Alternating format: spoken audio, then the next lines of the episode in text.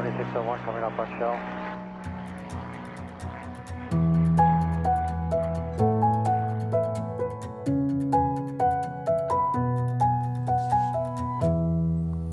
Hej og velkommen til Skyhooked, Danmarks første faldskabspodcast. Hej Mie. Hej Michelle, så er vi her igen. Ha, så fik du den. Så er vi her igen. Vi skal, øh, vi skal snakke med nogen i dag. Ja, Hvem skal vi snakke med? Claus Røg Poulsen. Ja. I daglig tale Claus Røg. Hvis du har hørt nogle af de tidligere afsnit, især den, der hedder Grejval og vores reservetræk, så har du hørt om Claus. Ja, Hvis du har hørt os nævne en eller anden Claus på et eller andet tidspunkt, så er det sandsynligvis den Claus. Claus Røg. Ja, Grej Claus. det kalder vi ham ikke, men Det, det er det, han er. det er det, han er i, i den klub, vi kommer fra. Ja. Mm. Der er to ting, man skal vide omkring det her afsnit. Ja, Den ene ting, det er, at vi har lavet en lille smule med lydindstillingerne, hvilket betyder, at min stemme den er en lille smule fjern i starten. ja, Til gengæld så mener vi, at lyden på Claus er, er god. ja. Eller bedre. Eller bedre i hvert fald. Ja. Den anden ting, det er, at Claus, han er, og nu siger jeg det her i den bedste mening, grejnørd. Mm. Kæmpe, kæmpe grejnørd. Hvilket også er en af grundene til, at vi har inviteret ham med. Det er derfor, han skulle komme jo. Ja. Så, så det er det perfekte afsnit at høre for dig, der sidder og tænker, hvordan var det nu, dengang man sprang runde skærm, og der ikke var nogen sikkerhedsudløser, og Jeg vil sige, hvis man vil høre en røverhistorie fra de gamle dage, så er det her også det rigtige afsnit. Også ja. selvom du ikke er grejnørd. Ja. Hvis du vil høre, hvorfor instruktørerne starter dit øh, spring, når du laver det første stackline med at sige velkommen i luften, springer nummer et til dig, så er det også det her afsnit, man skal høre. Mm. Hvis du vil høre om, øh, om grej købt i øh, Sydafrika under embargoen i midt-80'erne, så er det også det her afsnit. Hvis du vil høre, hvordan skærmene gik i uh, tu i gamle dage og blev til to halve skærme, så er det også det her afsnit. reserveskærm. Og ja, reserveskærm, der, der gik midt over os. Ja. Altså alle, alle de her lidt, uh, lidt vilde ting, lidt gammeldags ting, lidt no shit there was ting, Ja. det er det her afsnit. ja. Hvis vi kunne spille det her sort-hvid, så havde vi gjort det. Ja, vi kunne selvfølgelig sætte lydkvaliteten ned, men det har vi uh, trods alt afholdt os fra. Den er dårlig nok, som den er. Lige præcis. Skal vi ikke bare... Har du mere, du vil sige, inden vi kaster os ud af det? For ellers så synes jeg da bare, vi skal sige hej til Claus. Lad os sige hej til Claus.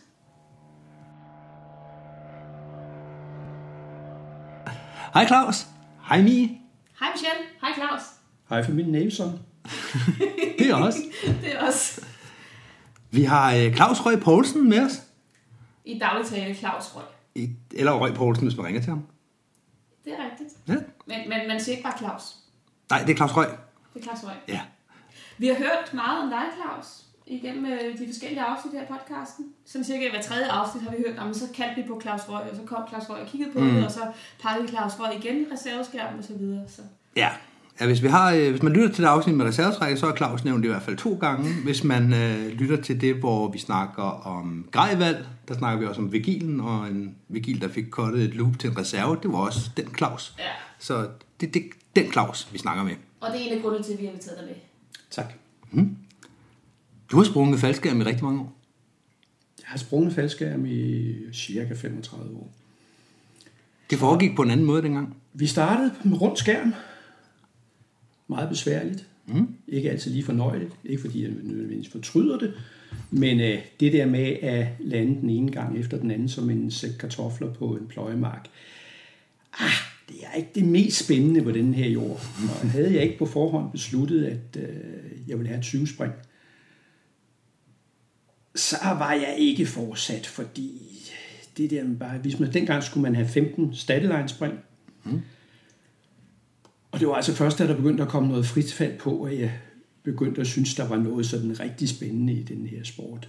Godt, Og det har jeg så alt andet lige mere eller mindre holdt fast ved siden, at øh, det er det frie fald, og egentlig ikke så forfærdeligt meget skærmflyvning. Selvfølgelig er det noget andet i dag, hvor det er firkantede skærme, men det er stadigvæk det frie fald, der siger mig noget, mm. og egentlig ikke så forfærdeligt meget det med at flyve skærm. Og det har måske også betydet lidt for de skærmvalg, jeg har, at de er måske lidt kedelige set i mange sammenhæng. Øhm, Jeg har ikke gået til veloer endnu, eller forventer sådan set heller ikke, at jeg gør det. Fordi, ja, jeg har mere brug for at have en skærm, jeg kan komme hjem på et dårligt spot, end jeg har en, der kan lande grusomt hurtigt på, hvorfor kræver en helvedes masse plads. Hvad er det for en skærm, du har? PT er det en Saber 135. Ja. En Saber 1'er 135. Classic. Med en god, solid åbning, som jeg ikke er i tvivl om, at øh, Nu er der faldskærm. der, der er et eller andet over hovedet på det. Den der. Men du har besluttet allerede inden du tog de første spring, at du skulle have 20. Vi havde egentlig en helt anden tilgang til det. Det var slet ikke meningen, at jeg skulle sprunge faldskærm. Fordi Okay. vi, havde, øh, vi var på stykker inde på Nesborgstue, vi havde kigget på noget ballongerstien, der havde været i Fældparken. Jeg havde kontor lige ude til Fældparken. Mm. Vi var over og kigge på de der folk, og de havde noget grusomt dyrt grej. Sådan synes de selv i hvert fald. Vi stod og kiggede på det, og meget af det, det kunne vi egentlig godt lave selv. En kur kunne vi nok få fat i, og gasbrænder kunne vi nok også lave, og trykflasker havde vi. Og så var der lige det der med selve ballonen, øh, hylstret, som jeg sidenhen har lært, det, det hedder. Mm. Det tænkte vi i vores visdom, det kunne man jo nok lave ud af nogle gamle brugte faldskærme. Okay. Så vi tøffede lidt rundt på nogle auktioner, blandt andet ude i Værløse, hvor de solgte forskellige ting. Blandt andet gamle, købte nogle gamle symaskiner mm. fra øh, nogle af deres rikkerværksteder. Men der kom aldrig nogensinde gamle faldskærme op. Mm. Og øh, så tænkte vi, puh, det kunne være, at vi skulle tage en tur ud i en faldskærmsklub og snakke med dem om, det kunne være, at de havde sådan mere direkte kontakt til det. Og øh, så rent tilfældigvis, som en hel del år tidligere, havde jeg været forbi Bybjerg, dengang øh, hjemstedet for faldskærmsklubben Høvelte, mm. som nu om dagen hedder Nordsjællands Faldskærmsklub. Og det er, altså, det er tilbage i 75 eller sådan noget, jeg havde øh, kommet forbi. Og okay. tilfældigvis, hvor der var Danmarksmesterskaber i rundeskærm dengang. Så jeg tænkte, det kunne jeg tage det op. Jeg vidste jo nogenlunde, hvor det var henne. Danmarks mesterskab i rundskærm. Altså i præcisionslandinger, eller præcision- bare i landinger? Præcisionslandinger. Okay. Og, Det skal øh, jeg også spurgt til. Ja. Så, øh, så vi tog det op og snakkede med dem, og fandt så ud af, at brugte faldskærme, hvis det var ikke rigtig noget, der var. Og hvis man øh, sådan forsøgte at sende en sådan stor øh, brænder, gasbrænder i nærheden af faldskærmsstof, så holdt det nok ikke ret længe. Så det var egentlig ikke lige det, der var sagen. Så gik vi så i knurret og brumme lidt over, at vi ikke rigtig lige kunne finde noget til at lave de her balloner af.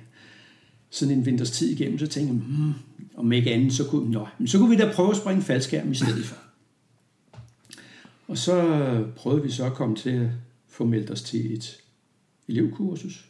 Det tog tid, fordi man havde besluttet, at man ville gå væk fra de her meget lange elevkurser, som typisk gik en hel vinter igennem, mm. over til at prøve at lave sådan nærmest weekendkurser. Og det tog meget lang tid for dem at tage sig sammen til det juleår, så der gik næsten yderligere et halvt år, før at vi øh, faktisk blev tilmeldt et kursus. Dengang kostede et kursus cirka en tusse, og et spring kostede cirka 50 kroner. Samlet set fandt vi ud af, at det betød jo så, at for 2.000 kroner, så kunne vi få 20 spring. Mm. Jamen, øh, det var derfor, vi besluttede, at vi tager sgu 20 spring. I praksis viste det sig så, at vi i forbindelse med det kursus, vi havde engang i midten af en september måned, med bløde marker og meget mudder, der fik vi to spring, og så gik der vel halvanden, to måneder, før det lykkedes os at få det tredje spring. På trods af, at vi var ude flere gange om ugen, men der var det simpelthen ikke, vi var landet rundt, uden at få nogen spring. Så det var besværligt. Tredje spring, det endte så godt nok med at være sådan også et plørespring, der efter en hel weekend havde regnet øh, deroppe på Bybjerg. Vinden havde været banket, i hvert fald havde banket vindmåleren i bund, og øh, så fortsatte vi sådan hen mod øh, sidst på søndag eftermiddag, og instruktøren sagde stadigvæk, ja, men han, nej, han drak ikke øl nu. Han drak kaffe, fordi der var jo et par elever, der godt ville op. På et tidspunkt så begyndte vindmåleren, eller man kunne se nålen på vindmåleren bevæge sig ned, så ikke banket helt i bund. Okay. Kom ned i nærheden af 12 meter, så noget sådan... Øh, var runde skærme, så vi skulle egentlig længere ned med fanden. Nu, det, det var tydeligt at se, at vindmåleren der var ved at komme ned. Så det var med at blive få grej på, og det var jo så gamle militærskærme til 10 runde skærme, tøffet rundt i. Mm. Og øh, der var en pilot, og vi havde vores 172'er ind i flyveren, og så var der nogen, de skulle i mellemtiden gå ned og få rullet på flag ud i graven, og vi gik ellers deroppe af, og der var sådan cirka de 600 meter, som man nu engang sprang af øh, med rundskærm dengang. Og vores instruktør, han bandede og svoglede over de sløve læster nede, at de ikke havde fået lagt de der flager ud. Mm. Og okay, så han satte os et lille stykke ud, fordi det der var en del vind eller sådan noget. Og så hoppede vi ellers af og passerede i hastigt tempo øvrigt forbi øh, selve springgraven over mod vores mose Uh. i stedet for. Jeg var sådan set forholdsvis heldigt. Jeg komme ned, fik lavet et rullefald, kom op og fik lagt skærmen ned. Min kammerchok, der var med derop. Han blev trukket hen over marken. Han havde en overhold på, som han i øvrigt ikke havde fået lukket ærmerne på. Okay. Så han, Så han lå der og skovlede mudder ind, indtil han sådan endte øh, for enden af nogle træer, der så stoppede ham det der foretagende. Så han kom lige ned og lignede os, den her meget omtalte Michelin-mand i det her tilfælde, men det var altså ikke på grund af en stor dragt andet, end det var blevet fyldt ud med mudder.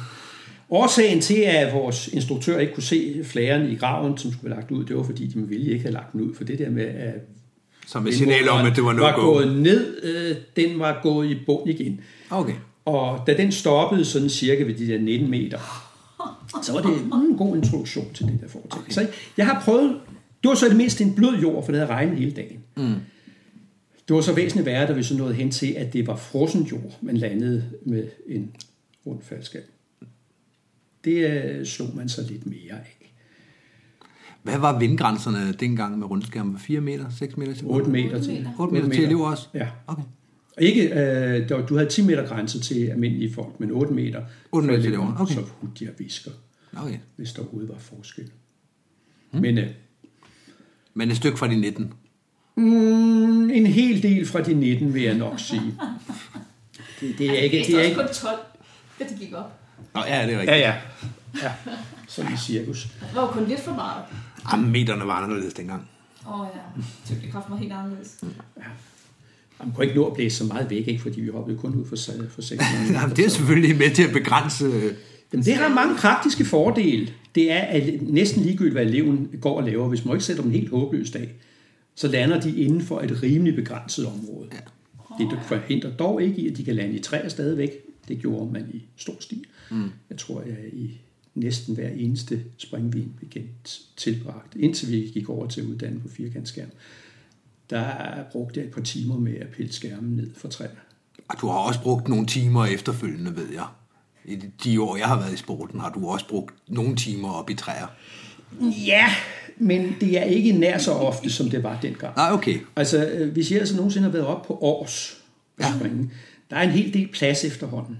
De gjorde ikke det julenummer, at de øh, pillede skærmene ned. De fældede træerne. Mm, det er derfor, der er det, plads. Det er derfor, der er plads på Okay. års. Det giver sådan mulighed. Der er, man røg meget i træer. Ja. Og øh, på, det var jo rimelig begrænset. Altså for 600 meter, så kunne du måske flytte dig, hvis du var heldig, 100 meter til en af siderne. Og hvis du så havde besluttet dig for at komme forholdsvis tæt på og se dig i et træ, så er det altså meget svært at komme udenom. Der er ikke ret meget at give af. Nå. Måske driften, den er måske 1-2 meter i sekundet. Ikke? Lidt afhængig af, hvor fed man er, hvor meget man vejer. Så jo tungere man er, jo mere ejendrift var der. Men Ja. øh, det er altså ikke meget. Man har, man har cirka 2 minutter 120 sekunder. 1 meter i sekundet. Ja, det giver 100, de 100 meter, man kan flytte sig den ene eller den anden vej i foretagende. Ja. Men øh, da jeg så efterhånden havde tæsket de der øh, 15 spring igennem, så begyndte der altså, altså jeg vil ikke påstå, at jeg havde nogensinde fandt ud af, hvordan man egentlig skulle hoppe ordentligt af for det der trinbræt. Vi hang ikke, vi stod på trinbrættet og hoppede af. Okay, fra OIBFI. Ja, Ja. 172. Ja. 172, ja. Det gjorde det for den sags skyld også for 182 tilsvarende, der stod du også. Stod du op på? Ja. Dengang der skulle man så huske at øh, sige til piloten, at han skulle bremse hjulet, ja. og det var ellers en af hans måder at få folk af på, hvis de ikke ville hoppe af. Når han bremsen, så, så, skulle de det, så røg folk enten bag om hjulet, og også røg de foran hjulet. Okay. Og så kunne man altså simpelthen få et hjulaftryk op bag ryggen på okay. Sig. Og da det var en forholdsvis stor rygsæk, man rendte rundt med, så blev det et ordentligt skub, man fik, når man kom den vej rundt. Det kan ikke anbefales, fordi man så kunne altså også risikere, når du er statline, at den tog den gale vej rundt om. Det, Okay, det klart, spændende. Klart, det er ikke anbefalesværdigt. Hvor mange rundskærmspring nåede du at tage, inden man ligesom bestemte sig for, at det var farligt? Nå, men det bestemt. Oh, gik det, det gik da meget lang tid. Man skulle have, før, ja, dengang, du skulle have dit A-certifikat, det var efter 15, det var når du gik manuelt. Mm. Så skulle du yderligere have 15 man, altså 15 automatspring, skulle du have 15 manuelle, manuelle spring, så kunne du gå til B-certifikat, så fik du lov til at skifte over til de her Lemonje-type skærme. Mm. De er meget hullede, runde skærme. Efter 40 manuelle spring, det vil sige normalt 55 i alt, der kunne du så gå lov til at gå over til, øh, til firkantskærme. Okay. Og det var i det mindste, det var, var heldigvis nået til på det tidspunkt, jeg var der. Mm. Øh, ikke så mange år inden, der skulle du have 100 runde spring. Okay. Øh, manuelt, det vil sige 115 spring. Og det svarede så i øvrigt til et D-certifikat på det tidspunkt. Mm. Der krævede, så det var rent springmæs, der krævede også nogle andre ting. Mm. Ikke som i dag, hvor det bare er springantallet. Nå. Der skulle du have en hel masse ting, øh, stilprogrammer og sådan noget andet, for eksempel for at få et D-certifikat. Okay. Der var sådan lidt ekstra krav på. Men så kunne man så der efter 55 spring få lov til at gå op og lave noget, og så øh, min store fornøjelse, det var, så kunne jeg få lov til at gå op og lave et RV-spring, for nu om dagen formationsspring dengang, mm. RV-spring, for første gang. Det var så første gang, at jeg var over 2 km. Hele min uddannelse havde kun været på 2 km. Så kunne jeg gå i 2,5 km Hold da op. og op og springe med hinanden. Og briefingen var sådan cirka, at vi skulle prøve at holde hinanden i hånden. Og det gjorde vi så også nedad, øh, og klappede sådan, lå lidt på ryggen af hinanden, og lidt på maven af hinanden. Mm. Og da jeg jo ikke havde noget grej, så havde jeg rent faktisk lånt min instruktørs sæt. Ja. Han havde så lånt en anden instruktør, Stig Ørnbrugt, som I nogen kendte, jeg Ja. ja. hans sæt. Og øh, dengang havde vi vores øh, pilotskærm, den sad i en lomme på øh, typisk lårremmen. Og det der klappe kage, vi havde fået lavet undervejs deroppe, det var altså lykkedes sådan at få skubbet den på min kære instruktør. Hans håndtag var altså blevet skubbet væk, så han kunne ikke finde det her tossede håndtag. Oh, Jeg får trukket uden til store problemer, og jeg kigger mig lidt omkring og ser i øvrigt, at min instruktør hænger i den øh, Stjørndrups hvide skærm lidt længere ned. Mm. Det ser fint nok ud. Jeg var på det tidspunkt ikke klar over, at han ikke havde lykkes at trække sin hovedskærm. og at den ikke var hvid, hans udskærm. Men tilfældigvis var både hovedskærmen og Nå, okay. øh, reserveskærmen hvid på Stjørndrups sæt. Mm. Det var. Øhm, det var en pæn stor skærm, jeg flog rundt i. Det var sådan, dengang, det var en såkaldt Excel Cloud, cirka 280 kvadratfod. Det er jo det samme, som Senose lever oppe i dag. Mm. Øh, også i en lang, lang periode. Jeg endte faktisk med at købe det sæt, fordi instruktøren stoppede. Ja. Øh, flyveegenskaberne kan man diskutere. Jeg lykkedes mig at blive overhalet af en springer i rund skærm, mens jeg hang i den her Excel Cloud. Så ejendriften på den var heller ikke imponerende. Der er sket en del sidenhen. Men så begyndte det sådan der lige pludselig, at der var andre springere i luften, frit fald, og det var det, jeg synes, der var sjovt. Mm. Og det har jeg næsten alle mine spring har været af den slags siden. Jeg, det eneste større mængde spring, jeg har, der ikke har været det, det har været opvisningsspring. Ja. Ja. Ellers har det været spring for så stor højde, som vi nu engang kunne få med andre folk. Mm. Det er det, jeg har brugt hele min springkarriere på, skal vi sige. Så Okay. Jeg er nødt til lige at spørge, Lemonien, blev den dengang betragtet som sådan en overgangsskærm, netop fordi den havde noget mere ejendrift øh, ja. I forhold til de her klassiske titier? ja, Så det var en overgangsskærm, inden man skulle over i de helt sindssyge firkantede? Ja, altså Le Monde-skærmen er egentlig opfundet af, kunne man næsten gætte sig til, en franskmand, mm. øh, der hed sjov nok Le Monde. Det er muligt at udtale sin anelse anderledes på fransk. Øh, som en drage. Okay.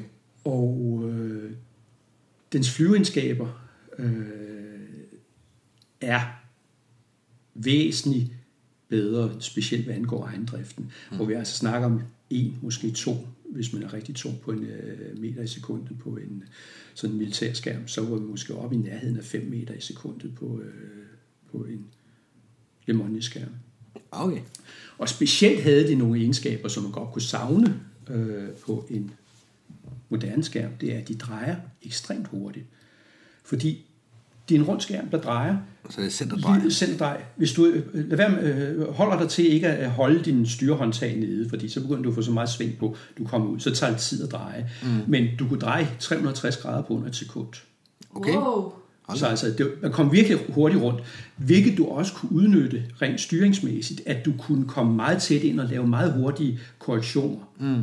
Dog kan det stadig ikke anbefales. Man skal ikke forsøge at flære sådan en skærm. Så hvis man øh, nogensinde I kommer op og prøver sådan en skærm, skal I ikke tro, at man skal flære den ligesom en firkantskærm. Fordi der er to ting, der går galt ved det. Det ene det er, at man bringer sine albuer tættere på jorden. Ja. Og da man lander med et huldrøn, så er det meget dumt at lande med et huldrøn på sine albuer. Mm, ja. Det har vi haft armen op over hovedet. Så armen op over hovedet, og hun også bruger sådan lidt til at beskytte hovedet. Ja. Og den anden del, det er specielt på lemoniskærmene. Det, der sker, når man lukker, hiver ned i styreklodserne, det er, at i stedet for at lukke luften bagud, så lukker man op. Ud, Okay, så opad, sætter så, den hastigheden synker, op. så man synker meget hurtigere nedad. Oh. Så hvis I nogensinde skulle komme ud sådan en, lad være med at flære den. Så er det bare at slippe klodserne, når man kommer ned i den højde, hvor man har Det er bare med hænderne op, og så i gang med rullefaldene. den. Okay.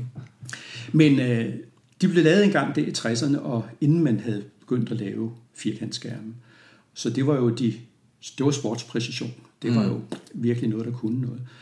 Og man kan faktisk styre de der øh, rigtig godt. Altså, jeg tror, der gik over 100 spring i firkantskærm, før jeg lavede bedre præcisionsresultater i det, end jeg havde lavet i lemonieskærm. okay. Så altså, og rent faktisk er vindgrænser og alt sådan noget er i store træk det samme præcision i dag med firkantskærmen, som det var med rundeskærmen. Det center er blevet mindre. Ja. Det er godt nok en lille skive, man skal ramme nu om dagen. Men altså, man kunne faktisk lave rigtig meget. Men du var noget begrænset selvfølgelig, at vinden var, havde mere betydning dengang, end, øh, Ja, end den har i dag. en større faktor.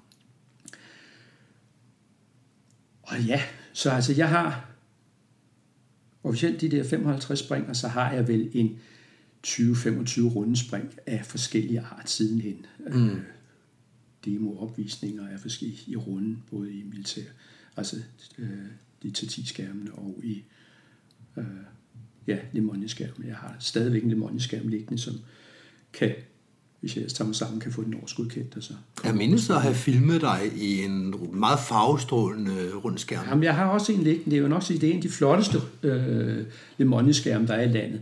Det eneste, der er lidt ked ved, det er netop den skærm, jeg har øh, liggende stadigvæk. Det er, at netop den egenskab med at dreje ekstremt hurtigt, det er den ikke så god til. Men det er stadigvæk meget hurtigere, end en, en firkantskærm kan, mm. kan dreje rundt. Men den er rigtig, rigtig flot. Ja. Og øh, sidste gang, jeg egentlig skulle have sprunget i den, det var i forbindelse med DFU's 50-års jubilæums arrangement over i Odense. Ja. Men øh, da vi, vi stod der og ventede og skulle op, vi var en stribe øh, folk, der skulle op til 10 skærm, og jeg skulle op i en, øh, hvad hedder det, hvad havde taget lemonieskærm med over for at vise det, og så skulle nogle af vores øh, hot surfer, de skulle altså op også og vise, hvad de kunne. Og vi stod det blæste en del, mm. øh, som nogen måske kan erindre. Ja. Og vi stod der øh, med vores runde skærme af forskellige slags, og med Mike som hopmester, øh, skulle lave, og stod og ventede på de her øh, hotte super og sådan noget. Mm. Men de havde altså meldt fra for længst. Det havde de så bare ikke fortalt alle en hver. Mm. Og ja, vi var der sådan set på vej op i luften, indtil mm. der var nogen, der bare sådan spurgte Mike, mm, havde det her nu været begynder, vil du så sætte den? Nej, det ville jeg godt nok ikke. Mm. Okay, ah, så lader vi så være. Jeg kan faktisk huske, at vi stod en hel gruppe nede på jorden og skulle se det her, for det var spektakulært. Jeg kan også huske, at ja, der blev også meldt flere frem. Jamen, nu gør de det. Jamen, prøv lige Ja. at vente, nu er vi på hold igen. Ja, ja, ja. Nu, nu kommer det ind over, nu, nu sker det. Ah, Så altså, så altså det blæste jo alt Ja, lige også en blæste- det blæste 15, 15 rigtig, 20 rigtig meter eller sådan noget. Ikke? Så altså, ja, det er jo nogle af dem, hvor man nok bagefter, hvis jeg havde gået godt og sagt, fy her, og man kunne nok have sagt, det var nok lidt tåbeligt at gøre det. Ikke? Ja. Men så alt andet lige, så øh, havde jeg fået sættet årskontrolleret og klar til spring, og så var det jo et perfekt springvejr to dage efter på Bybjerg, så var jeg så oppe lige at springe gang, og det er nok der, I har set det. jeg har desværre ikke set det. Nå. Forrige gang, jeg Nå, har det gjort det, det var i forbindelse med øh, vores egen klubs 40-års jubilæum, tror jeg det var. Det var før min tid. Ja. Jeg har aldrig set det rundskærm over Danmark. Okay. Jeg har var oppe og filme det. Jeg har aldrig set det i Danmark. Det var rigtigt, du var. Jeg var oppe og filme Det var rigtigt. Det var rigtigt. Det, det. Ja. Ja, der var noget med, med brydehøjde, og du skulle bare lige, lige mærke noget frisk luft, så du lige havde lidt at åbne på, og så... Jamen, det var ikke så meget det, der var problemet. Det var de der stakkels folk, der skulle op og filme det. Det var ment, de skulle være tæt på. Det var vist folk lidt tidligt deres sprængkarriere, så, Jo, det- så, så, Ej, så skal jeg gav folk lige lidt tid til at komme hen og Okay, filme det var det, du gjorde. Jeg havde mere travlt med at kigge på den højdemåler og tænke, så skal, så skal der også, hvis jeg skal filme et åbningsforløb, snart komme et åbningsforløb.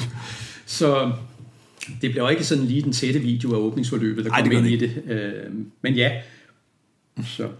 Ja. Men det var så sådan, ja, det var sådan lige starten på min egen springkarriere. Øh, men det, der så skete i den periode, det var jo, at man fandt ud af, at det der med de her sæk kartofler og lande og sådan noget, det var måske ikke det sundeste for folk og sporten. Vi skulle måske gøre noget uddannet lidt mere i USA, hvor man jo gå i gang med at uddanne folk på øh, firkantskærmen. Mm. Vi havde forberedt os lidt i klubben i og med, at vi havde fået alle vores instruktører, havde været i USA på springpladser, og se, hvordan de nu engang håndterede det her fantastisk nye fænomen, mm. øh, nemlig at uddanne folk. Øh, der er visse ting, der skal gøres anderledes. Øh, de koster jo penge, det her nye grej, fordi øh, nu har jeg jo efterhånden haft noget andet rundgrej. Det holdt jo længe. Mm. Øhm, men vi skulle skrave nogle penge sammen til det her foretagende. Så vi besluttede, at øh, ikke for den en given sæson, men næste sæson, der ville vi altså til at gå i gang med det her foretagende, og så måtte vi hellere skrave nogle penge sammen, så vi øh, satte en grusom mængde elever. Det tog mange år, før vi slog den. Vi satte 199 runde elever. Øhm, jeg tror, vi har for et par år siden slået den øh, til noget Ja. ja. på omkring 205-6 stykker eller sådan ja. noget. Det tog mange år. Dengang havde vi øh, cirka 500 kroner i overskud på en elev. Øh, det gav så med 200 spring, det skulle give cirka 100.000 i kassen. Dengang hvilede spring og så noget mere i sig selv, end det gør i dag, hvor vi jo altså bruger en stor del af de indtægter, vi har fra tandem og elever, mm. bruges jo til at sponsorere de andre spring, vi har. Dengang hvilede det mere i sig selv, så der burde egentlig være 100.000 i overskud på det her projekt, men da vi så nåede frem til generalforsamlingen, så var der ikke meget mere end omkring, tror jeg, 23.000 tilbage af de her Hold da op. 100.000, der burde have været. Og det var sådan, jamen, nu havde der jo været penge på kontoen. Så der var blevet brugt penge på sådan små ting. Jamen, der var blevet lidt flere penge til kontorhold. Der var blevet til det, det ene. Der var blevet lidt kørepenge. Der var blevet det ene. Og der må altså lykkes at klatte sådan cirka 75.000 væk i løbet af en sæson. Hold da op. Og det gik jo altså ikke. Så vi sluttede i stedet for, "Men så låner vi sgu pengene. Så kan man fandme se, at der er et hul mm. i kassen Så er man nødt til at fylde det op. så skal der noget til at fylde det her op. Og så gik vi ellers i gang med at øh, ville købe noget grej. Vi havde så også arbejdet meget på at finde ud af, hvad skulle vi have for noget grej. Øh, vi var, jeg tror ikke, vi var den første klub i landet, der gik over til firkant. Vi var en af de første. Mm. Så det var sådan begrænset, hvor meget vi egentlig kunne trække på andres erfaringer. Men der var selvfølgelig forskellige forhandlere, der bød ind med noget grej, som øh, man nu engang kunne prøve at gætte sig til, og øh, hvad der ville være hensigtsmæssigt. Det var stadigvæk sådan, at vi snakkede firkant hovedskærm, men vi snakkede stadigvæk rund reserve, for man havde altså ikke så stor tillid til øh, firkantede reserver, at man ville, mm. alt er lige, så synes man, at rund reserver havde man altså en ret stor erfaring med. Mm. Det ville vi hellere prøve at springe med. Og der var i bund og grund tre bud på det. Det ene, det var noget fransk grej, et campus seletøj, mm. som nogen måske kender, et Matic hovedskærm, et fantastisk produkt, og en, øh, jeg kan faktisk ikke huske, hvad de bød ind med af reserve. Jeg tror rent faktisk, at det var også det bud, som vi fik fra Erik Rudbæk. Han var begyndt at lave, øh, da vi nu skulle til at lave øh, firkantuddannelser i landet, så var han gået i gang med at sy en øh, rig, en rig. Og han havde så et bud på et, en Manta som en hovedskærm, og jeg så også, jeg kan ikke huske, hvad han bød ind med med reserven. Men vi havde nogle reserver, for vi kunne for nogle af de reserver, vi havde i vores sæt, rundreserver, kunne faktisk lægges i de her nye firkantsæt, vi købte hjem. Og så havde vi nogle, et sidste bud, det var der noget amerikansk grej, noget varp seletøj, en Hercules hovedskærm fra et firma, der hedder National. En fantastisk hovedskærm, den der fantastisk nisættet skærm. Og når man hiver ned i styreklodsen som sådan en Hercules, så kan man få bagkanten til, at de to ender af bagkanten til at nå sammen bagpå. Sådan, sådan, Okay, så den sig sådan helt sammen som et U. Fantastisk skærm. Det er jo også en måde at få en rund skærm på, Ja, ved at ja. trække i klodserne. Den var stor. Jeg tror, den var omkring 300 kvadratfod. Eller sådan noget. Stor skærm. Men øh, det vi sådan ved lidt undersøgelser, og også det en erfaring, vi havde fra de folk, der havde været i USA, så valgte vi at gå på Eriks bud med øh, Orion, seletøj, og en mand til hovedskærm, og så fik vi noget, der hed en Invader-reserve i. Vi havde nogle Invader-reserver,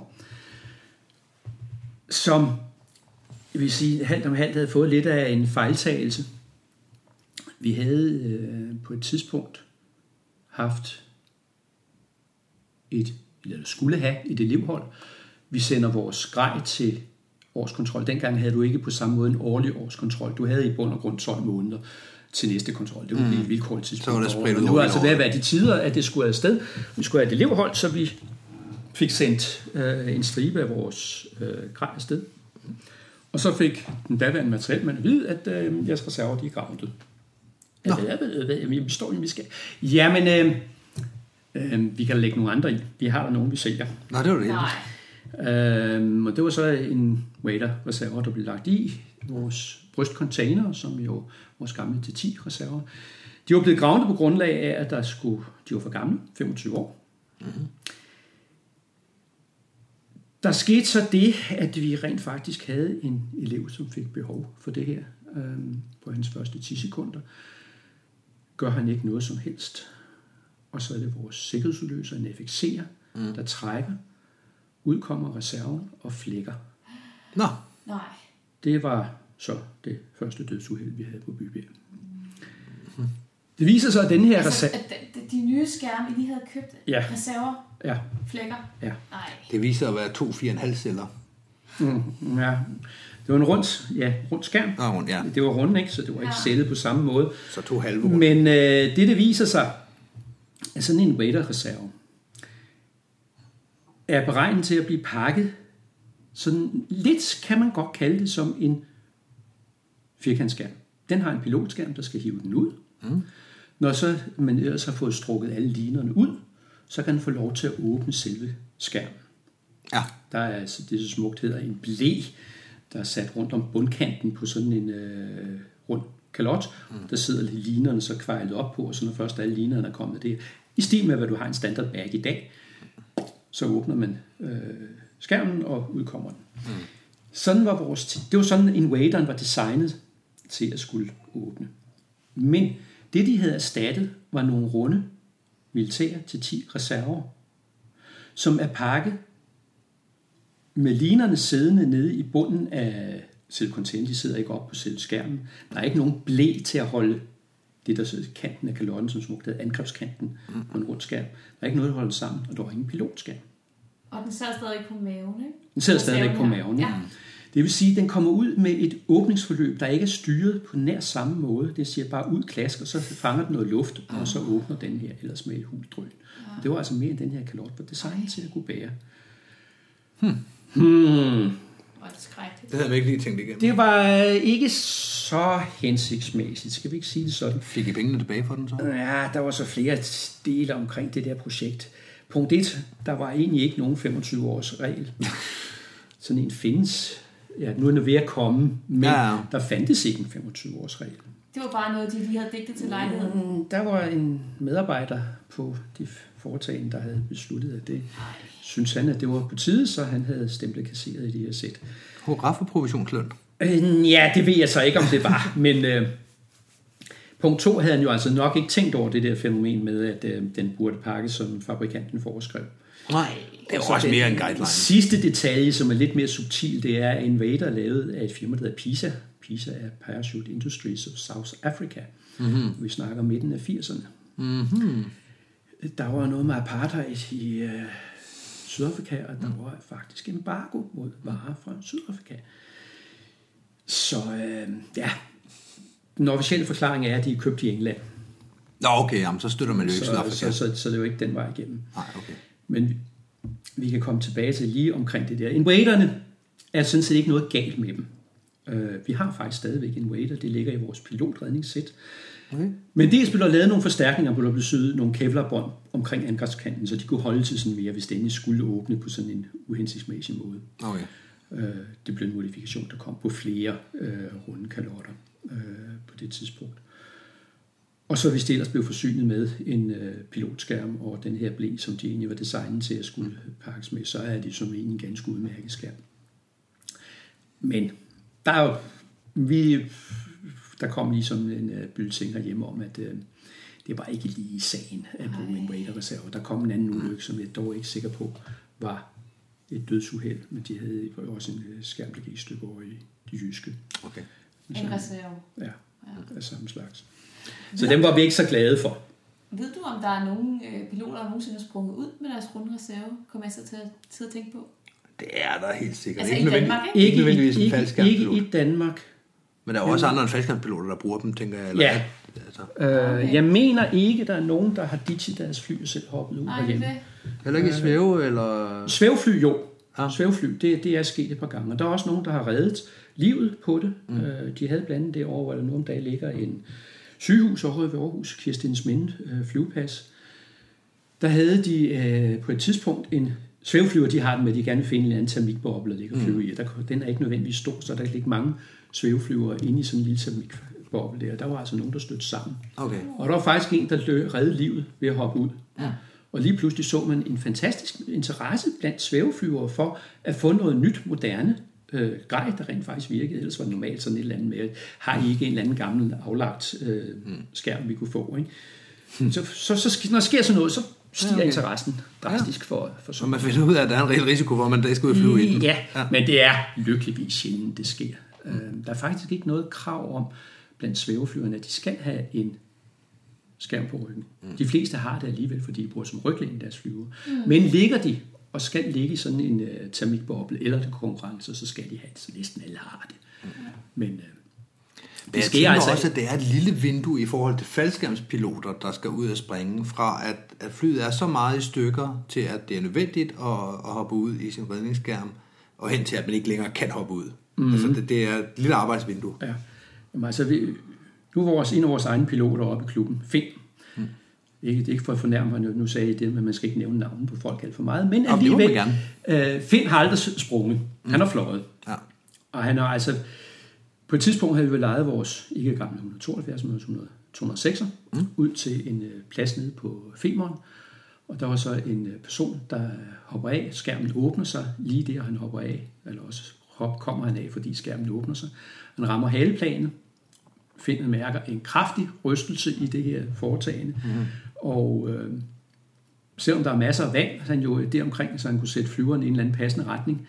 Og han kunne også mærke, at der var et eller andet, der var forkert med styretøjet og sådan noget. Mm. Så han vælger altså at gå ned og lande øh, det her foretagende. Han skulle ikke ud i nogen rund skærm, selvom han havde en med derop. Og dengang der fandt vi så ud af, hvorfor at haleplanet er sat fast i sådan en mærkelig øh, trekantssammenføjning med ni nitter. Mm. Det betyder nemlig, at de otte nitter kan ryge, og så er stadigvæk en nit tilbage til at holde haleplanet på plads. Det var, hvad der var tilbage, da han kom ned og landede med det her tossede fly. Vi havde nogle rundskærme, som vi kunne bruge, og de blev så modificeret, så det stopper vi så i vores sæt her. Og det vil jeg sige, vi var meget, meget heldige i det valg af firkantgrej. For jeg har været meget, meget tilfreds med både rækken og øh, de mantaskærme, vi fløj rundt med. I modsætning til visse andre steder, her landet, der var det op til klubberne selv at vælge, hvad man ville lave mm. det her foretagende. Nogle klubber, for eksempel Roskilde-klubben, de valgte så øh, campus-seletøj. Ikke et helt så moderne seletøj som øh, en Orion-rig. Mm. Øh, de valgte Matic hovedskærmen. Matic er en femcellet skærm. Der er sparet lidt på den. Den har ikke sådan A, B, C og D-liner. Den havde kun tre sæt liner. Fem celler. Fem celler og tre sæt liner. Den havde dog styreliner. Det havde de offret på den. Ja. Øh, Der er ikke meget snorværk med fem celler. nej, men det, pakker, altså, det fylder ikke så meget. Det pakker øh, sådan forholdsvis småt, må selv det for en forholdsvis stor skærm. Øh, vores daværende landshold, formationslandshold, blev nok sponsoreret med sådan nogle efter en træningstur, så smed de dem på bål. Nå, De var nogle fantastiske skærme. Øh, de fløj, øh, og de landede. Og det var man ikke i tvivl om. Specielt hvis man sådan fladrede de her skærme i starten. Øh, så kunne de altså godt finde på at falde ud af himlen. Nå, Ja. Og det var det med, men så fandt man så ud af, at det meget genialt, at man kunne sætte nogle såkaldte antistålliner på sådan en skærm. Lidt længere styrliner, eller hvad? Nej, det, ja, det var det, vi ellers generelt gjorde på mange af vores øh, elevskærme. Det var, at det var almindelige hovedskærme, hvor vi så forlængede styrlænden lidt, så man ikke så let kom til at ståle dem. Nej, man fandt på, at øh, alt andet lige styrlinerne går op gennem en guide-ring. Det så stikker de ikke af, hvis man mister den, så ved man, hvad man mm, det ja, op og, ja. få fat i dem. Hvis man nu satte en sådan faktisk fingertrappede en ekstra line ind i styrlinen, som så gik udenom guide-ringen, mm. og så ellers ned til styrehåndtaget. Så var jeg hævet ned ind til det punkt, hvor man havde fingertrappet Så bestemte man, hvor langt den så kunne den ikke komme længere. Så havde man jo sat sådan en vis grænse for, hvor langt man kunne komme ned. Problemet var bare, at der skulle egentlig ikke ret mange kræfter til, altså alligevel trække ned, så var det ikke længere bare styrliner, man havde ned, så var det også de bagerste rejser, man fik trukket ned. Nå, super. Og så stålede den. Ja, så går det Så stærkt. det, det, så, så, så det var ikke det bedste valg på denne jord. Det lyder lidt som sådan noget trial and error. Du prøver Ja, at løse det på den her måde. der kan man jo så, så se forskellen på, øh, vi var heldige, vi havde valgt, var ikke valgt det, og der var ikke så mange klubber. Mm. Nordmændene for eksempel, de var nogen samtidig var også i gang med at øh, vælge at gå over til firkant grej. Og de sagde, jamen vi skal ikke have forskellige uddannelser rundt om i, i landet. Vi laver det ens over hele landet. Mm. Det var ikke sikkert, at klubberne råd til det, men så tog den norske faldskærmsunion, de tog og lånte pengene. Og så køber vi ens grej. Og hvad købte de så? Oh, de købte Campus, Campus og Magic. Sensoid, Magic, hovedskærm, Invader, reserve. Sådan. Så nu er det jævnt dårligt over det hele til gengæld. Ja, yeah. Ja. og det sprang de med i rigtig mange år, for de havde skudt råd til at skifte det jeg ud dog, for det var altså en stor investering, alt andet, ja, Ja, ja, gået i gang med. Ikke? Der er også, ja, ja, der er også så mange nordmænd, som øh, altså, vi kunne jo snakke med dem og fortælle om de erfaringer. Ja, beklager. Vi har skudt råd til det. Ikke? Så altså, der vil jeg sige, som sagt, vi var meget, meget heldige, og så var der nogle klubber herhjemme, de vent, ventede noget længere med at øh, skifte over til firkant, så de om ikke andet kunne nå at trække på de erfaringer, vi havde på tingene. Men altså, mandtagerne, dem har jeg været rigtig, rigtig glad for. De har aldrig rigtig slået folk til lirakassemand. Øh, fordi de lander ikke super godt, mm. specielt netop, de havde også lidt forlængede, forlængede styreliner, mm. så det var ikke verdens bedste flair, der var i sådan en øh, kalot, men de flyver stabilt. Og du kan flære den i 20 meter og holde, holde flære, men og det sker der ikke alverden ved, ikke?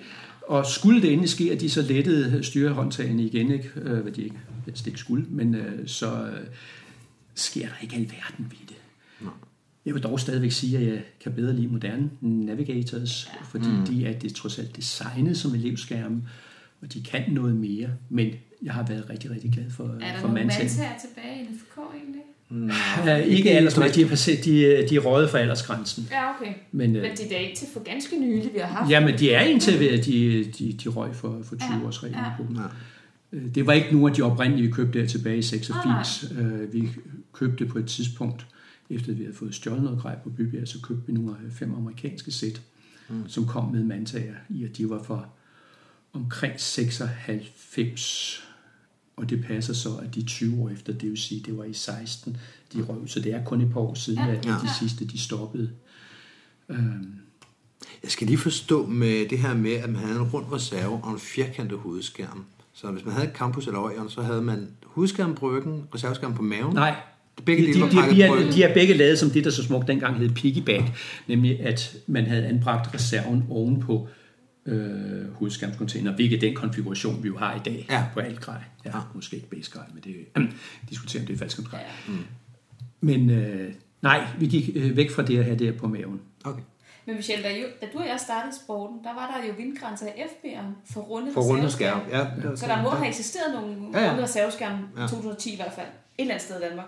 Nej, Nej, jeg ringer Nej. bare ikke blevet det- opdateret. øh, Nå, vi har, okay. det, det er, nej, det var vi stoppet med. Okay. Altså, der gik to år eller sådan noget, så skiftede vi over til det. Fordi det er også et uddannelsesmæssigt problem. Normalt, når du uddanner på rundskærm, så skal du lave rullefald. Rigtig, rigtig mange rullefald, og du mm. kommer har meget mere til skade på alle de der rullefaldstræninger, mm. end du rent gør ved spring. Mm. Specielt når man så har en øh, major fra militæret, som finder ud af, at man kan træne rullefald fra en af militærets lastvogne kørende hen ad grusvejen. Og så hopper man ned derfra og laver rullefald. Med 5 meter i sekundet, eller? Ja, som det nu er. Der har vi folk, der har brækket arme og, Og det er ikke en helt hypotetisk historie, den her, Nej, kan jeg fornemme. det er sket. Ja. Altså, vi har folk, der er kommet meget mere til skade den vej. Men når vi så går over til firkant, ja, vi har stadigvæk så runde reserver. Skal vi så stadigvæk lave folk rullefald? Mm. Og det gjorde i hvert fald op hos os, at vi, vi gad ikke rigtig lære folk rullefald, fordi de kommer altså til skade ved det rent faktisk. Ja. Og vi satser altså anden lige på, at langt de fleste af landingerne foregår i en firkantskærm. Øh, Så der gik altså ikke mere, jeg tror, to år eller sådan noget, så droppede vi det der med at have øh, rundskærme. Jeg gik over for de ekstra penge på at købe firkant. Det var så en lidt i stil med en øh, Manta som hovedskærm. Det var så en laserskærm, hed den. Det var så en 250 kvadratfods, og dem har jeg også været rigtig, rigtig tilfreds med. De har reelt set aldrig svigtet os. Hvis de har chancen for at komme ud, så er de altså også opfyldt deres mål. Mm. Dem har jeg også været meget glad for. Men de er så også faldet fra aldersgrænsen, så der er nu kommet mere moderne grej i. Sikkerhedsudløser nu, dengang. Ja. Det var FXC, hvis det var, men det var ikke et krav med en FXC, eller var det et krav du til havde elever? et krav på, for at tage det, du havde krav om, at på under uddannelse skulle der være enten en automatåbner eller en sikkerhedsudløser. Altså en kap eller en FXC. Kap, øh, forskellen er, at øh, sikkerhedsudløseren åbner reserven, mm. automatåbneren går på hovedskærmen. Kappen, som folk hovedsageligt i dag kender fra, at man kan spille med den, mm. Øh, Genialt drukspil. Jamen, det er virkelig et genialt drukspil, og det er også en af mine store øh, ærgelser i den her verden, at vi jo nu om dagen har en hel masse FX'er til overs, og jeg har endnu ikke fundet en god måde at bruge en FX'er til et drukspil. Stik den Altså, til det- nogle jeg- gerne elev, der først finder ud af, hvordan man sætter højden på den, har vundet, altså. Ja, øh, ja det er jo ja, det er svært Uden at give ham, gentage. uden Det er at give ham svært at- 50 øre til det. Øh, jeg, giver gerne, jeg giver gerne et spring til, også et 2,5 km spring betalt for nogen, der kommer med en god måde at bruge en FX'er til et drukspil. Så er det Jeg- givet videre. Ja, den er ude. Opfordring, det kunne være, at nogen kunne finde på den. Ja. For dem har jeg mange liggende af, og det Ja. er der sikkert i mange andre klubber. Jeg har ikke så mange kapper tilbage. De bliver slidt. Den wire, der sidder der, den bliver stille og roligt, går i stykker, så er det grusomt svært. Så vi mister stille og roligt vores drukspil. Det er jo ikke godt. Er der ikke en producent, der kan overholde? Øh, der har været overholdt muligheder herhjemme, men øh, jeg vil tro, vi kan sende til Tjekkiet, ellers er det jo oprindeligt et russisk produkt. Mm. Øhm, men man slap altså alt andet meget, der man gik til FX'eren. I og med kappen, der skulle man så ned og kigge på flyets øh, trykmåler, højtmåler, der stod der for at finde ud af, hvad er dagens tryk, for så skulle man indstille øh, hvad hedder det, kappen øh, efter Ud det. fra her. Så- HPA-værdien. Ja, ja. Øh, og så skrue den op et passende antal meter for hver millibar øh, trykket havde ændret sig, eller nu var. Mm. Det var dog lidt lettere på FXC'en. Men det er jo så en, en sikkerhedsudløser. Det vil sige, at den går på reserven i stedet mm. for. Og det var der krav om, det skulle du have som elev, Men ikke som C-springer. men ikke som C-springer. Det var først øh, efter, at Cybers havde været på markedet et stykke tid, at der var et reelt fornuftigt alternativ. Fordi en FXC har mange gode egenskaber. Den åbner faktisk næsten altid, når den skal. Øh, men den kan altså også godt finde på at åbne, når den ikke skal. Men var det ikke de allerstørste ankepunkter ved Cypressen, at man var bange for, at den gik i gang, uden at den skulle? Nej, Det var det ikke. Nej, reelt ikke. Men der har været nogle forskellige rygter omkring den, og der har der også været nogle børnesygdomme med, med, med Cypressen. Mm. Men der gik nogle forskellige rygter om, at øh, for eksempel radioen fra flyet, når man nu stod der som øh, rearfloater uden på øh, Twin Otteren, mm-hmm. og piloten kalder ned for at øh, sige, nu dropper vi, at det radiosignal, det kunne slå Cypressen ud og åbne. Det var der rygter om. Okay, så, så Men, halvdelen af nogle af de, men de, langt de fleste af de øh, åbningsfejl øh, på Cyberser har været fra, at folk egentlig rigtig kendte funktionen af dem. Og du sidder så øh, i flyveren på vej op. Ups, jeg har da ikke fået tændt min Cybers. Mm. Og så tænder du den i flyet. Det er en god løsning. Øh, det er en marginal god løsning. Og det øh, har resulteret i adskillige cyberstræk i for høj stor Jamen, så længe du husker at trække 1000 fod højere end der, hvor du tændte den, så, så er alt jo godt. Ja, det er jo problemet, når det så er i 2,5 km. Ja, så skal du jo så i 2,8, så skal du trække Og du ligger der sammen med de 20 andre mennesker. Mm. Fordi det er meget usundt. Og specielt FXC'en havde det der problem, at fik du banket ind i hinanden. Dens mekanik resulterede nogle gange i, at så specielt anden gang, så var der så meget stor sandsynlighed for, at du fik en skærm ud. Ja. Og det, det er, så derfor, formationsspring og sikkerhedsudløser hang ikke synderligt godt sammen. Faktisk var det sådan, mm. at rigtig mange de ville ikke springe med folk, hvis de havde sikkerhedsudløser på. Okay. Så det var først, da øh, Cybersen havde vist sit værd, at man begyndte at snakke om mere obligatorisk brug af sikkerhedsudløser herhjemme. Jeg synes bare, jeg hørte, at Cypress var nødt til at sætte deres øh, aktiveringshøjde så langt ned, netop for at undgå det der med, at folk de følte, at... øh, at, at Jamen, det var jo en anden tid. Øh, det hed så officielt, at vi skulle herhjemme hænge i 600 meter. Det har det hængt i, eller det heddet i rigtig, rigtig mange år. Men hvis du så... Du ville jo punkt 1 gerne have, hvis folk indlaver reservetræk, de har trakt selv, inden det var Cybersen, der skulle mm. gøre det.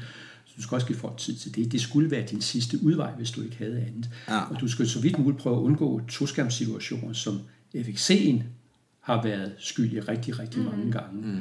Specielt en, en hård åbning i din hovedskærm og en FXC'er, der måske ikke helt har været trukket an rigtigt. Det kan ofte resultere i, øh, hvad hedder det, øh, i toskærmssituationer, og vi har desværre haft adskillige folk, der er i rullestol mm. øh, på den konto. Så øh, der er mange gode grunde til, at FXC'en ikke øh, skulle bruges. Og der var for eksempel nogle fabrikanter forbød brugen af øh, FXC'er på deres grej. Okay. For eksempel, du har forbudt at bruge øh, FXC på tandemgrej fra, fra, fra Vector. Mm. De ville ikke have det. Til gengæld så skete der ikke ret lang tid fra, at de havde sendt bulletin ud om, at man ikke måtte have FXC'er på, til at det så Cybersen var kommet der, til faktisk det blev obligatorisk at have en Cypress. Nu kunne de bare ikke skrive, at det skulle være en Cypress. Det var et tysk produkt. Mm. Så derfor står der, at det skulle være. Mm. Hvilket der er så nogen herhjemme, der tolkede som, at så en FXC'er jo må jo være god nok. Og så droppede man en den tidligere, at man ikke måtte bruge en FXC'er. Ja, fordi... Det var fordi, der var jo nogle billige FXC'er til salg øh, rundt omkring. Ja. Øh, Så kunne man jo bruge dem i stedet for, at det var jo godkendt. Der skulle være en på, der skulle. Ja. Øhm, Men det kan man jo stadigvæk købe den dag i dag, tænker jeg. De må jo stadigvæk springe med dem som C-springer. ja. Jamen altså, øh, Jeg sprang da også i det min første spring. Har du, sprung, har du sprunget med FCC? Ja, ja, som Nå, ja. elev. Ja. Op. Jeg har aldrig prøvet at springe med det. Jeg har tjekket ud med det på Samsø, hvor det er Jørgen Algrens gamle... Mm. Står man der med en krone og skal stå og dreje. Ja, ja, lige præcis. Og, øh, altså, det hele det er jo altså, øh, det, det, det er Jamen, et altså- museum. som, som jeg sagde, det, det er egentlig, den er egentlig rimelig god til elever forstået på den måde, at den skal sgu nok åbne, når der er behov for den, mm. og den skal nok også åbne en rigtig højt, hvis den bliver vedligeholdt, mm. og den bliver behandlet rigtigt. Men når du så begynder at komme hen, det er det færre og færre, der kender den, og øh, instruktørerne, de står og gætter lidt på, hvad det er, og så er vi også tilbage til, at man skal ikke gætte i fastkensporten, og det blev der altså nogle gange om, hvornår sådan en FXC skulle anvendes. Mm. Og, øh, så det var meget godt, at den kom ud. Men altså, til elever, ja, det var faktisk væsentligt bedre, end ikke at have noget som helst. Og det var jo trods alt det, der øh, var det væsentlige i det. Hvad med dengang, der ligesom kom... Øh, det, midt i 90'erne kom der også regler om, at alle lige pludselig skulle til at have en sikkerhedsudløser. Havde du sikkerhedsløser før det, eller skiftede du over og fik det efter det? Som Det havde jeg faktisk inden. Øh, vi havde en øh, filosofi i klubben om, at vi helst skulle have alle vores instruktører, folk der lavede noget deroppe, at det pr- prøvede vi at få igennem. Okay. Øh, vi kørte så det sådan en lidt moden politik. Mm. Vi havde så en enkelt springer, som ikke rigtig syntes, havde råd til det, så, men så købte jeg en til ham øh, på et tidspunkt. Øh, havde ikke råd til at være det hjalp ham så ikke så forfærdeligt meget. Mange kender ham, øh, ældre springer. Det var ham, der hed Jens Salje. Mm. En af verdens største øh, ulykkesfugle på den jord. Til gengæld var han også meget lang tid meget heldig, på trods af sin meget store uheld. Så overlevede han lang tid indtil ja, uheldet slap op en dag. Mm. Øhm, og der kom man da ned i en næsten fuldt bærende reserveskærm i tandemsæt som tandemmaster. Men kommer ned og brækker nakken. Men passageren overlevede. Passageren overlevede. I hvert fald i, i stor nok grad til at kunne iværksætte det helt store retssag. Også det, også det. Øhm. Men ellers så havde vi nu fået stoppet en hel masse nyt grej på, og så skulle vi jo egentlig også finde en ny uddannelsesform til de her folk. En af de meget store øh, ting, vi øh, måtte spe- spekulere meget på over i starten, det er, på rund skærm, som sagt, sætter du den af nogen det rigtige sted i 600 meters højde, Jamen, så, kan du, så havde vi en megafon, vi råbte til folk om, hvad de skulle. Træk i højre, træk i venstre, og så du havde altså ikke behov for at sige, at de skulle flære. Mm. Muligvis samme benene. Men øh, alt andet lige, øh, en rund skærm kan ikke komme så langt rundt på himlen som en firkantskærm. noget af det eneste, man kan være sikker på, det er, at eleven ikke gør noget i en firkantskærm, så det eneste sted, han ikke lander, det er i hvert fald nede i graven, mm. og alle mulige andre steder. Ja.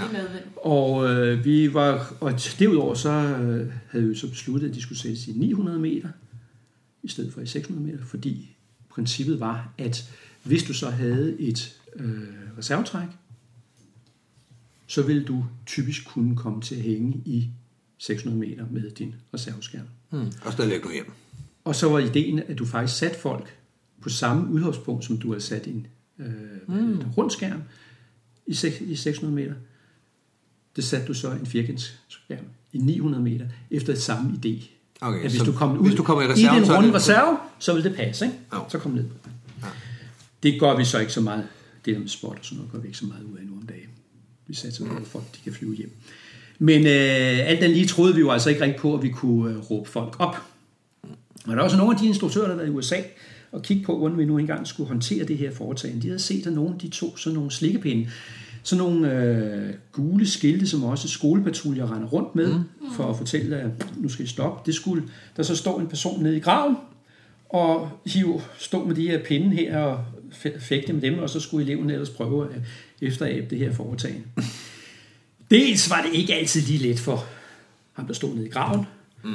Og så kræver det jo altså derudover også, at øh, den der person oppe i skærmen rent faktisk kan finde ud af, hvor graven er henne. Mm. For ellers så øh, det ligesom ikke så forfærdeligt meget, øh, man fik ud af det der projekt, så det fandt vi rimelig hurtigt ud af, at det var ikke rigtig løsning. Radio skulle vi have. Og så fandt det instruktørstaten så ellers passende ud af, at øh, vi skulle have nogle radio indbygget i hjelmene. Mm. Det kunne man ikke få. Så de kom og spurgte mig, om jeg ikke kunne lave sådan nogle radioer. Det kunne jeg så godt. Så jeg gik i gang lave nogle radioer, der kunne bygges ind i vores Protec-hjelme. Mm.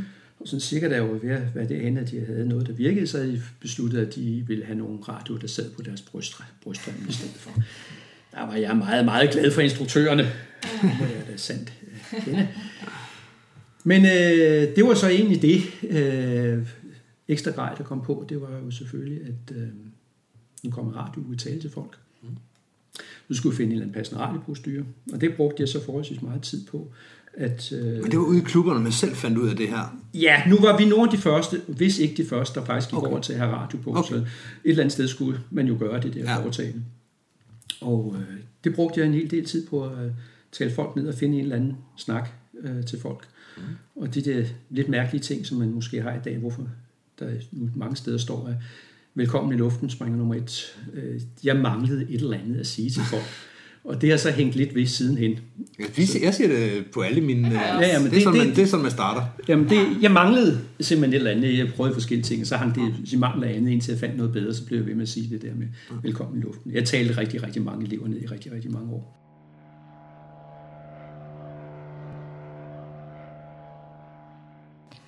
Sikke en historie. Mm. Og vi er ikke færdige nu. Nej, det er vi ikke.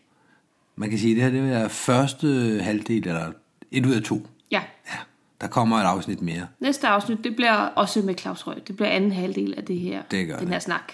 Det her, øh, den her del har taget lige knap en time. Mm. Og vi har noget bruderparten. Vi har ikke en time tilbage, men der er stadigvæk en god chat, øh, røverhistorie og, Det garanterer vi. og ting fra de varme lande. Ja. Ja. Det, der øh, falder mig først ind, det er det her med, med den, de vise ord, vi havde fra tidligere omkring Remember uh, when sex was safe and skydiving was dangerous. Mm.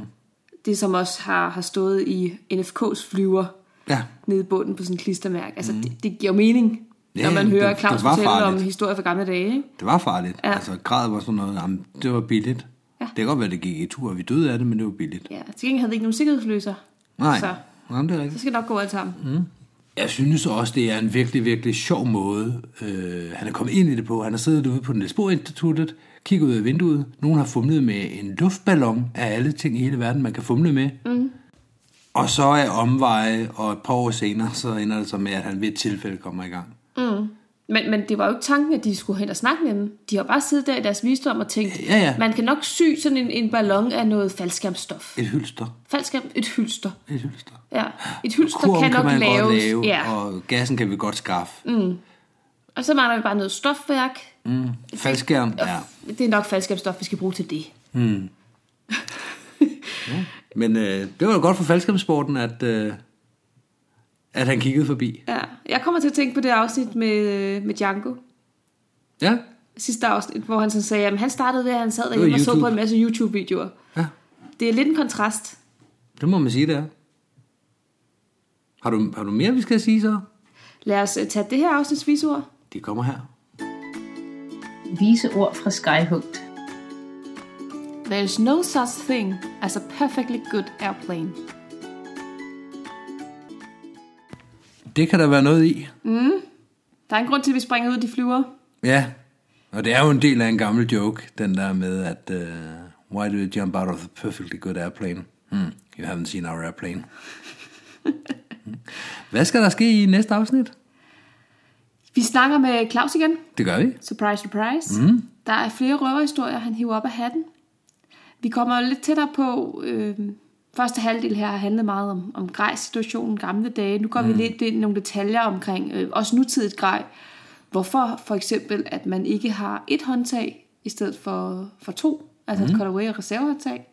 Fortæller Claus om, hvad for nogle... Øh, Og hvordan man kunne have haft det. hvad man kunne have haft det, ja. Ja. Det er ret spændende. Der er masser af godbidder til øh, dig derude, hvis du er ægte grejnørd. Ja. Og hvis du synes, du har fået nok, så skal du bare hoppe et afsnit over, så kan du komme ind til noget andet sikkert. Men det anbefaler vi ikke. Nej, det er, øh, det er virkelig det er hyggeligt. Det er det. Og det er sådan blast from the past. Altså, vi har ikke været i sporten længe nok til at kan genkende de her ting. Og alligevel så er det jo noget, man har hørt sådan... Sporadisk. Ja, det er præcis. Jeg skulle lige til at sige på rygtebasis. Man sprang jo i, gamle, i runde skærme i gamle dage. De var jo vanvittige. Og når man lytter til Claus, så var de vanvittige. Ja, Det var de vitterligt. Ja. Men øh, der kommer meget mere med vanvittige mennesker, eller i hvert fald med Claus i næste afsnit. glæd jer. Ja, det er præcis. Hej hej. Hej hej.